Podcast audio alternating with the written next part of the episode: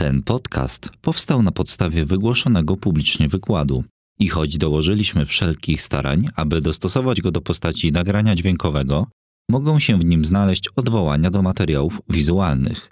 Życzymy przyjemnego odbioru. Granice nauki, przełomy w nauce, alchemia i średniowieczny kosmos. Łukasz Lamża.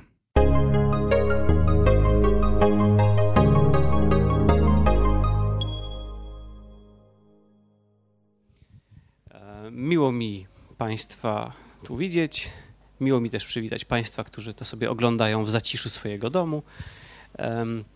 Dzisiejsze, dzisiejszy wykład poświęcimy zagadnieniu alchemii. I mm, myślę, że powinienem zacząć od króciutkiego wyjaśnienia, dlaczego zajmować się alchemią. Przyznam się, że trafiłem na problem alchemii i na temat alchemii, tak jak chyba większość z nas, to znaczy alchemia jest wspominana jako protochemia, jako wczesna, niedoskonała, naiwna, niektórzy mówią, przepełniona magią, niektórzy powiedzieliby nawet, że prymitywna wersja chemii, tego co my dzisiaj znamy jako naukę chemii. I zacząłem czytać o alchemii, spaczony troszeczkę przez tego typu nastawienie. Ale z czasem okazało się, że jest to po prostu nastawienie nierozsądne. Dlatego, że jeżeli podejdziemy do tego problemu z gruntu, z perspektywy przyszłości, to dużo nam dużo nam umknie. I potem, jak się nad tym zastanawiałem, to doszedłem do wniosku, że w ogóle tego typu nastawienie, czyli patrzenie na jakąkolwiek dyscyplinę wiedzy albo na jakikolwiek epizod z historii dziejów przez pryzmat tego, co było później, to jest podejście po prostu anachroniczne.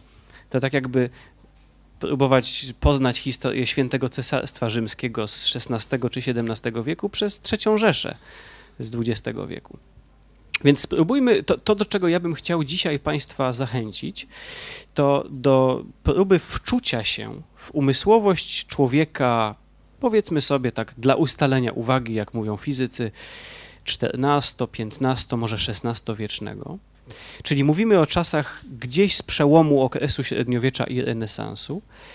Um, możemy dla jeszcze bliższego ustalenia uwagi, możemy wyobrazić sobie, że w tym mieście, w którym się teraz znajdujemy, w Krakowie, 500, 600 lat temu zaczepiamy na ulicy jakiegoś tam wykształconego człowieka, odpowiednio elegancko ubranego, światowego człowieka i pytamy go, co on wie, jak on sądzi, jak jest zbudowany świat, i pojawi nam się na pewno alchemia w tym, co nam będzie opowiadał. Także dzisiaj przyjrzymy się temu, co robiła alchemia i czym była alchemia, ale dla człowieka ówczesnego. Nie będziemy patrzeć na alchemię przez pryzmat tego, czym się później stała, e, ponieważ częściowo alchemia przerodziła się w chemię, ale to jest tylko mały fragment tego, czym alchemia była. E, zaczniemy więc od takiego błyskawicznego przypomnienia sobie, jak wyglądał kosmos człowieka średniowiecznego i też przy okazji kosmos człowieka renesansowego, dlatego że ten podział na renesans i średniowiecze jest w dużym stopniu symboliczny. Tak? Kiedy, kiedy mieliśmy rok 1400, 1500, to jedni, tak, jedni powiedzą, że to jest jeszcze koniec średniowiecza, inni, że początek renesansu. To się wszystko płynnie w siebie zmieniało. Nie ma czegoś takiego. I musimy też się wyzbyć takiego myślenia o średniowieczu jako o tej złej i ciemnej i okrutnej epoce i o renesansie, jako tym wspaniałym okresie światłości. Jak się przekonamy dzisiaj, to najzupełniej w świecie, najzupełniej przepływało w siebie. Więc ten, y, tego typu kosmos prawdopodobnie pojawiłby się jako efekt naszej rozmowy z krakowianinem z 1520 czy z 1550 roku. Na samym dole znajduje się Ziemia. E, miejsce, gdzie my sami stąpamy i chodzimy, niedoskonała ziemia, ziemia różnego typu nieczystych substancji, do czego za chwileczkę wrócimy. Zauważmy też przy okazji, że użyłem słowa na dole, dlatego że mimo wszystko, mimo całej wiedzy astronomicznej ludzi średniowiecza renesansu, dominowała perspektywa pionowa, perspektywa wertykalna, czyli na dole i na górze.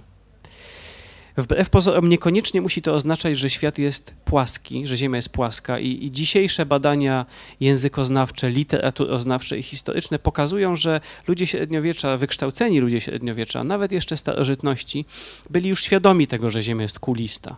Były już pomiary promienia Ziemi.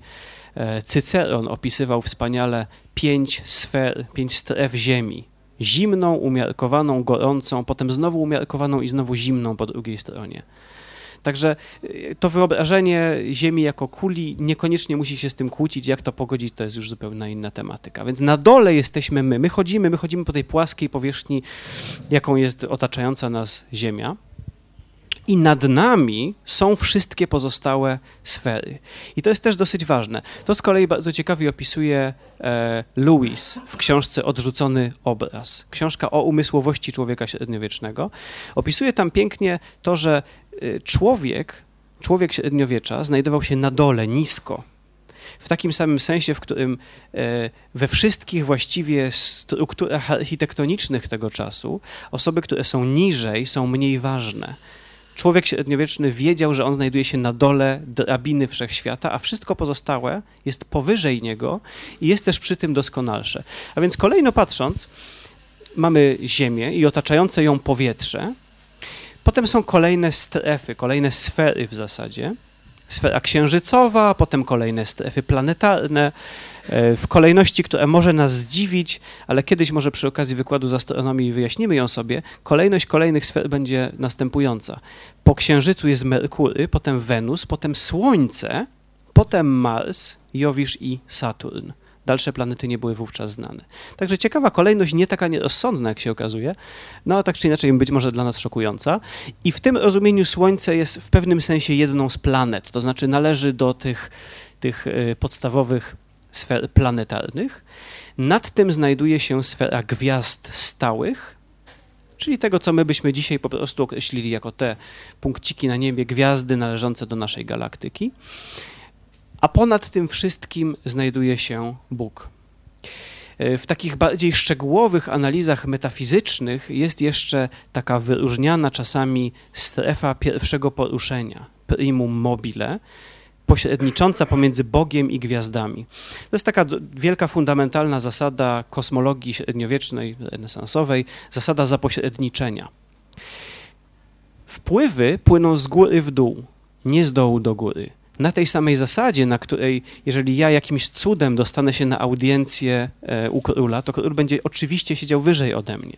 Jeżeli ja dostanę się jakimś cudem do katedry wawelskiej, ja prosty chłop łażący sobie po zabłoconych ulicach Krakowa, to to wszystko będzie ponad tym poziomem, na którym ja się znajduję. Ksiądz, biskup oczywiście będzie wyżej. Dalej, jeżeli ja wejdę do katedry, to zauważę, że nawet powyżej tego położenia, gdzie znajduje się ksiądz i z którego wygłasza kazanie. Jeszcze wyżej znajdują się figury świętych, a potem jeszcze wyżej wyobrażenia aniołów i demonów, a potem jeszcze wyżej z samej góry, zresztą na sklepieniach katedr często namalowane były gwiazdy, z góry też padało światło. Tak? Katedra jest doskonałym przedstawieniem makrokosmosu, poprzez mikrokosmos tego świętego miejsca. Tak czy inaczej, my sami znajdujemy się najniżej na dole. I wszystko, co jest wyżej, z każdym kolejnym poziomem jest troszeczkę doskonalsze. Y, można to poznać po wielu rzeczach. Można to poznać choćby po tym, do czego za chwileczkę dojdziemy, że substancje na Ziemi są nieczyste, są zmieszane. Tymczasem te wszystkie obiekty znajdujące się w sferach górnych, wyższych są coraz to doskonalsze. Oczywiście najwyższą doskonałością jest Bóg i między innymi dlatego wpływy zawsze następują z góry w dół. To jest niewyobrażalne i niemożliwe, abyśmy my z tego naszego padołu ziemskiego, z tego błota i kurzu i brudu i tych nieczystych substancji mieli wpływać na ruchy planet. Absolutnie niemożliwe. Natomiast możemy je poznawać. Możemy je poznawać. I to jest jeden z kluczyków prowadzących do władzy nad światem. Także tak mniej więcej wyglądałby w zarysie kosmos średniowieczny i z tego płynie wszystko, co następne. Przyjrzyjmy się teraz może kilku substancjom występującym na Ziemi, gdzie termin substancja będziemy rozumieć w takim bardzo prostym, intuicyjnym sensie jako pewnego rodzaju materiał. Czyli wyobraźmy sobie po prostu, że stąpamy po świecie, chodzimy, rozglądamy się, zaglądamy pod kamień, jeden, drugi, trzeci, otwieramy ciało ludzkie, szperamy po świecie, ale bez naszej dzisiejszej wiedzy atomistycznej, że to są różne konfiguracje cząsteczek elementarnych, że to są różnego typu wiązania chemiczne pomiędzy atomami. Spójrzmy na to z punktu widzenia kogoś, kto nie ma tej wiedzy, którą my dzisiaj mamy, że wszystkie otaczające nas materiały mają budowę korpuskularną, czyli składają się z malutkich malutkich cząsteczek na różne sposoby powiązanych, wyobraźmy sobie, że możliwe jest, że te substancje będziemy dzielić dowolnie długo. To są po prostu pewnego typu rozciągłości.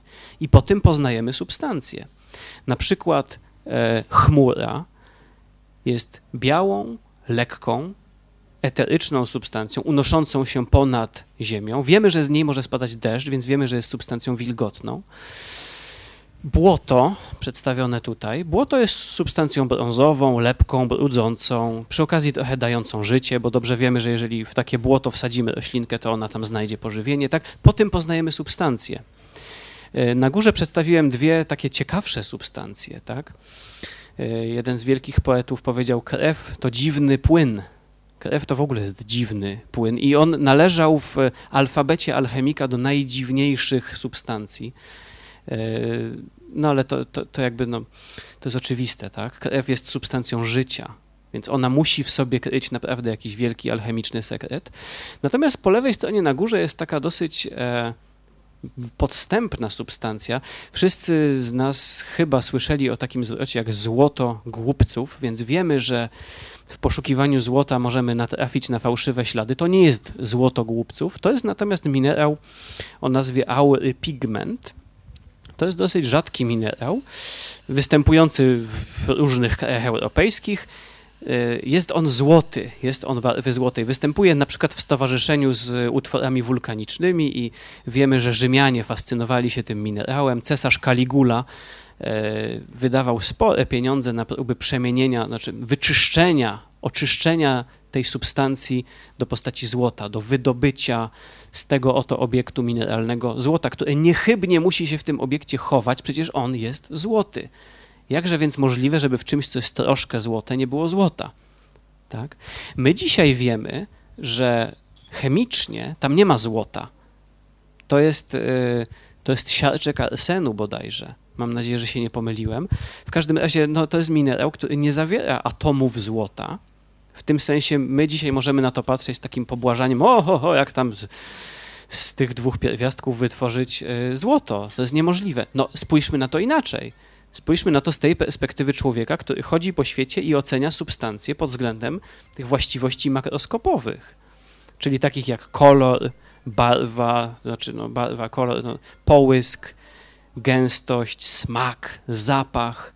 Alchemicy to byli ludzie, którzy chodzili przez, szli przez świat smakując, dotykając, przełamując, rozdrabniając, a potem następnie poddając te substancje najróżniejszym przemianom, dlatego że z jednej podobnej substancji można otrzymać inną podobną substancję, albo zgoła niepodobną. Zielona, żyjąca roślina po wsadzeniu jej w substancję ognia zamienia się w czarny proszek. Tak? To są niesamowite przemiany. Tak? I alchemik od starożytności po złote lata alchemii, czyli renesans, to była osoba, która wie, jak się zachowają substancje ale w takim właśnie sensie jakościowym. Coś się stanie, jeżeli ja wezmę błoto i je podgrzeję, albo ochłodzę, albo zmieszam ze śliną i potem podgrzeję, albo dokruszę do tego odrobinę sproszkowanego korzenia imbiru i utłukę w moździerzu i spróbuję wytopić, albo poddam schłodzeniu. Jedną z potężniejszych technik alchemicznych była destylacja.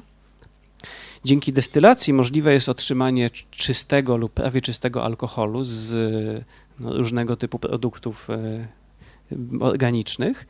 Natomiast spirytus posiada taką interesującą właściwość, że wypłukuje alkaloidy. My to dzisiaj, znaczy my tak to dzisiaj zinterpretujemy chemicznie.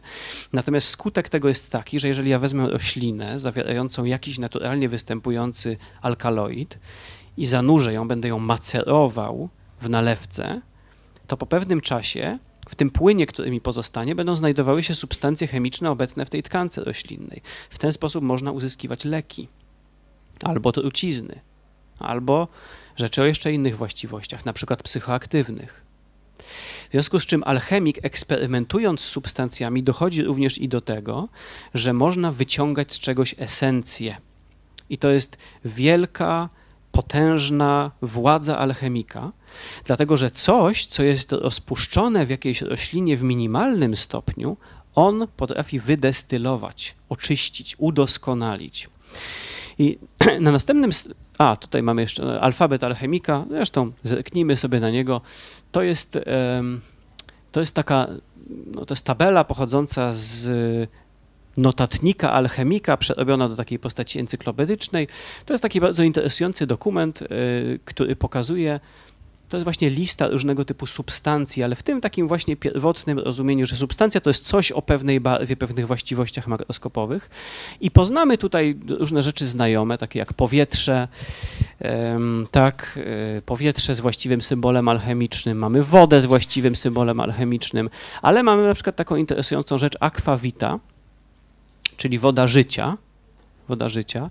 Ktoś z Państwa wie, co to jest aquavita? Alkohol, tak? To można poznać po polskim słowie okowita.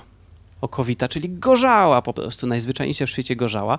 Ale zastanówmy się teraz nad tym, dlaczego właściwie gorzała ma być napojem życia. Zestawmy ze sobą te cztery, te cztery obiekty. Te cztery, trzy z nich to są substancje występujące na Ziemi. A pigment już nam znany, złote, winogrona i złoto, to jest samorodek złota. Po prawej stronie na górze słońce. Wróćmy teraz do tego aspektu kosmicznego. Jak już mówiłem, fundamentalna zasada kosmosu średniowiecznego, renesansowego jest taka, że wpływy pomiędzy tymi sferami następują z góry na dół, ale no, w ogóle te wpływy są. Co to oznacza? Oznacza to, że kiedy Słońce świeci na winogrona, przepaja je pierwiastkiem Słońca. Winogrona połykają odrobinę słońca, czyli w promieniach słonecznych kryje się rozcieńczone słońce. I to słońce trafia do winogron. Z winogron produkuje się wino, z wina produkuje się destylat winny, czyli spirytus na bazie wina. Czyli to, co my w tym momencie mamy w tym małym flakoniku, to jest podkoncentrowany pierwiastek słońca. Tymczasem każdy alchemik powie, każdy astrolog powie, że pierwiastkiem charakterystycznym dla, słoń, dla Słońca jest złoto. Słońce i złoto mają ze sobą pewne powinowactwo. Teraz, jakiego typu to jest powinowactwo? Nie znaczy to automatycznie, że Słońce wykonane jest fizycznie ze złota. Musimy myśleć troszeczkę głębiej, na poziomie metafizycznym. Nie na poziomie fizycznym, tylko metafizycznym. Istnieje pewnego typu wspólna przyczynowość właściwa dla obiektów wykonanych ze złota, właściwa dla Słońca i światła słonecznego, właściwa dla osób urodzonych pod wpływem Słońca i to stosuje się do wszystkich planet. Weźmy sobie przykład Merkurego, bliskiego moim sercu, ponieważ zgodnie z diagramami alchemicznymi ja urodziłem się pod znakiem Merkurego, jak sobie kiedyś sprawdziłem. I to jest też ciekawe doświadczenie z takiej no, z autopsychoterapii, dlatego że jak wszyscy Państwo pewnie wiedzą, y, horoskopy działają głównie w ten sposób, że odczytuje się horoskop i ma się takie wrażenie, jak to doskonale mnie opisuje. Po czym odczytuje się zupełnie inny horoskop i ma się dokładnie to samo wrażenie, jak to mnie doskonale opisuje. Ot, magia horoskopów, tak? Opisuje doskonale każdego. Y, natomiast Merkury jest dosyć interesującym przypadkiem. Zwróćmy uwagę tak. Y, Merkury jako słowo związane jest oczywiście z Bogiem Merkurym, który odpowiadał za kilka różnych aktywności, między innymi handel. Handel to był Bóg żywy, tak? który ruszał się. To jest, to, jest, to jest Bóg bardzo aktywny. To nie jest majestatyczny Bóg, tylko to jest raczej Bóg aktywności. Pierwiastek stowarzyszony z planetą Merkurym to jest rtęć. To wystarczy sobie, to, to znowu Louis. Louis w odrzuconym obrazie doskonale to opisuje. To nie ma co filozofować, to wystarczy sobie rozlać troszeczkę rtęci na talerzyk i się pobawić tą rtęcią, żeby sobie zdać sprawę, o co chodzi w Merkurym. Bo myślmy o, tych, o tym w tych kategoriach.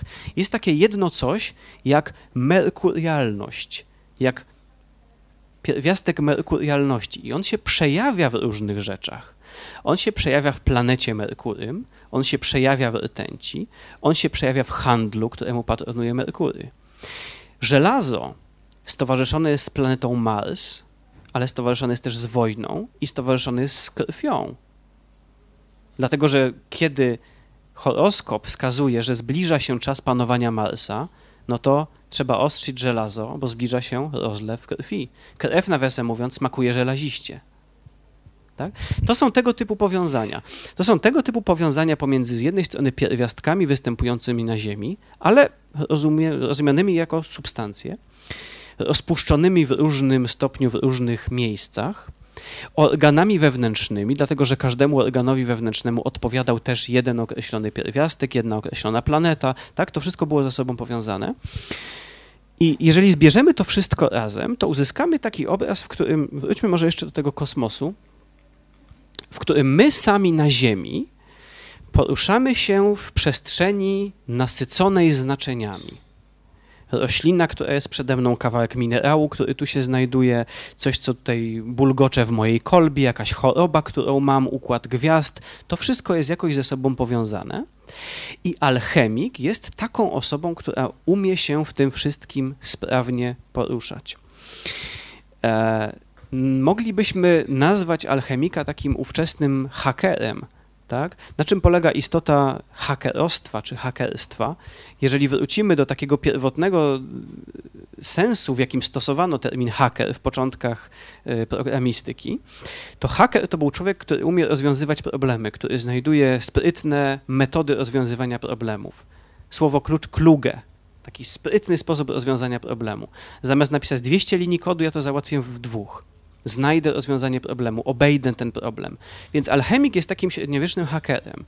W tym sensie, że jeżeli ja chcę rozwiązać jakiś problem, to jako alchemik myślę w ten sposób: OK, jaki układ gwiazd by mi najbardziej sprzyjał ze względu na charakter problemu, z jakim ja się mierzę, jakiego typu, e, z jakiego typu materiału powinny być wykonane otaczające mnie przedmioty, co ja powinienem wypić, co ja powinienem zjeść, w jaki sposób ja powinienem zadbać o własne ciało, żeby moje organy wewnętrzne były w najlepszej kondycji, żeby wszystkie te nitki tego samego kosmicznego wpływu działały na moją korzyść, żeby to ciągnęło w tę samą stronę, w którą ja chcę. To jest takie przepychanie kocyka. Czyli nie ma za bardzo nadziei na to, że ja wpłynę na te wyższe poziomy, natomiast ja potrafię jako alchemik, jednocześnie jako astrolog i z kilkoma innymi jeszcze umiejętnościami, które wpisuję na swoje CV i jeżdżę z nimi po dworach europejskich, potrafię wykorzystać to dla własnej potrzeby albo dla potrzeby mojego szefa tak? Bo alchemicy to byli najwspanialsi ściemniacze yy, średniowiecza renesansu. To byli ludzie, którzy jeździli po całej Europie, mieli ze sobą kilkadziesiąt różnych kolorowych flakoników wypełnionych tajemniczymi substancjami, yy, potrafili pokazać kawałek ołowiu jakiemuś tam królowi, księciu czy cesarzowi, podmienić na kawałek złota, tutaj coś dymi, wybucha, udało się zamienić, może to się uda zrobić jeszcze z toną materiału, jeżeli dostanę fundowanie i tak dalej, i tak dalej, i tak dalej, tak? Polski znakomity alchemik Sędziwój, przedstawiciel takiej, takiej późnej nuty alchem, alchemizmu, um, bo to już późno, już XVI wiek, to, już jest zmierzch alche, alchemii, e, był tego typu osobą właśnie. On, on omotał Zygmunta Wazę, który odpowiednik naszego obecnego e, funduszu emerytalnego, on przeznaczał z kolei na doświadczenia alchemiczne. Zresztą niedaleko stąd, tak, na Wawelu do dzisiaj znajduje się pracownia alchemika Sędziwoja. Ocalała z pożaru. Mm, tak? Także to, to byli też arcymistrzowie ściemniania, to byli ludzie, którzy potrafili przekonać króla, że y, ten flakonik tutaj pozwoli uleczyć ból krzyża, tym będzie można podtruć jakiegoś tam hrabie, co tam się panoszy gdzieś tam na włościach, e, tym będzie można wyleczyć krowę, tym będzie można wyleczyć konia, to jak, jak skapniemy w ogień, to tam aniołowie nam będą sprzyjać. To byli, to byli mistrzowie opowiadania pięknych historii. Między innymi dlatego posługiwali się tak absurdalnym alfabetem. Oczywiście nie podawali tych lewych nazw, tylko te symbole prawe. Czasami za tym kryło się coś zupełnie niewinnego ale wystarczyło tam, oni mieli księgi zapisane tajemnymi symbolami, czasami zmyślanymi na bieżąco. Drugi taki wielki alchemik renesansowy Paracelsus, on pod koniec życia sam się przyznał, że on połowę z tego wymyślał na bieżąco, specjalnie wymyślał dodatkowe symbole, czasami zmieniał te symbole, dlatego tu jest po kilka naraz, czasami po kilkanaście. Każdej planecie przypada dziesięć symboli, nie dlatego, że oni zapominali albo konkurowali ze sobą, tylko po to, żeby nikt się nie mógł zorientować, o co chodzi. To jest, to jest, to jest sztuczka, to jest wszystko, tak, wszystko magia. Natomiast zwróćmy też uwagę, że za tym kryje się pewne ziarno prawdy. Tak? Wróćmy do tej kwestii dokonywania destylacji z materiału botanicznego. Paracelsus napisał w jednej ze swoich ksiąg: W poszukiwaniu dobrej medycyny nie jeździ na uniwersytety, jeździ na wieś. Wybierz się na wieś, pogadaj z babami. Pogadaj ze starymi babami, bo one wiedzą. One wiedzą, jaką roślinę trzeba naparzyć, żeby przestało boleć, żeby spędzić płód, jeśli trzeba. żeby konia wyleczyć, żeby krowa nie była obolała, żeby opuchlizna zeszła, żeby głowa nie bolała, żeby mężczyźnie wigoru dodać. To wszystko wiedzą stare baby na wsiach, tak?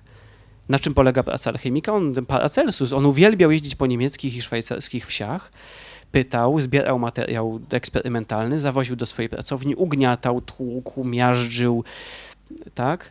Macerował, wyciągał ekstrakty, no i eksperymentował. Czasami, no głównie na swoich współpracownikach, którzy często się zmieniali. Um, z różnych względów, również finansowych, tak.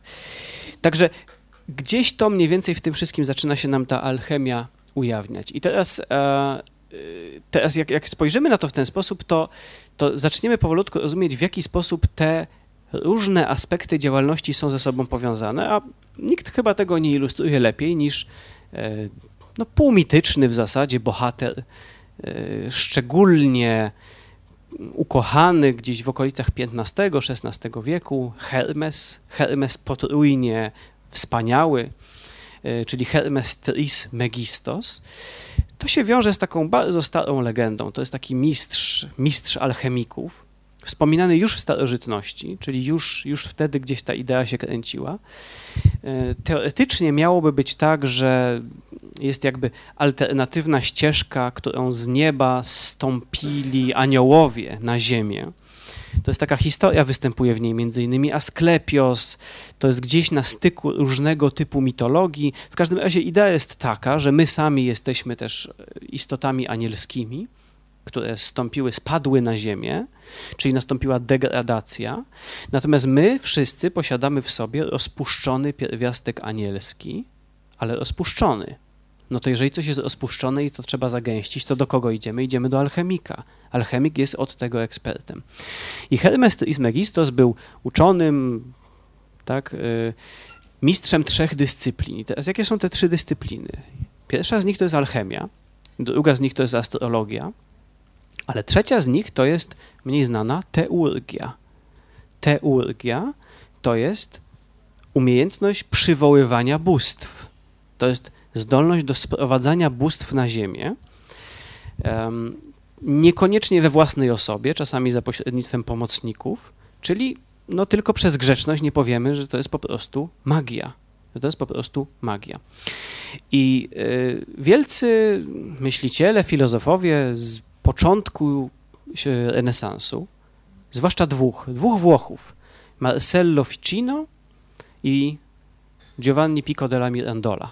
Dwóch wybitnych filozofów, humanistów. Te dwie osoby są wymieniane tuż obok siebie jako ojcowie założyciele renesansu. Czyli to nie są jacyś tam wariaci w bamboszach, tak? tylko mówimy tu naprawdę o wysokiej klasy intelektualistach, teologach, yy, literatach, ale jednocześnie byli oni ludźmi, którzy spopularyzowali na nowo w Europie hermetyzm, między innymi wydając, y, głównie za to odpowiadał Marcello Ficino, wydając y, pierwsze nowożytne wydanie dzieł Hermesa Trismegistosa, rzekomych dzieł Hermesa Trismegistosa. To jest wszystko XV wiek, potem XVI wiek, to się wtedy działo, wtedy te pisma znowu wróciły. I teraz ten trzeci ząbek, czyli teurgia polegająca na sprowadzaniu bóstw czy niebios na ziemię. Na czym by to miało polegać? No, to jest dopełnienie tych dwóch pozostałych nóżek. Bo teraz zastanówmy się. Jeżeli ja jako alchemik jestem w stanie wydobyć to, co najlepsze w danej substancji, to też jest pewnego typu forma oszustwa, dlatego że substancje naturalne mają swoje właściwe cykle, mają swoje cykle życiowe, na przykład minerały. Jeżeli zejdziemy do kopalni, to natrafimy tam na różnego typu minerały, na świat w taki czy inny sposób, powiedziałby człowiek średniowieczny, ożywiony. Paracelsus, Paracelsus mówił tak, że góry Karyntii są jak szkatuła. Jeżeli ją otworzysz, znajdziesz w środku prawdziwe klejnoty.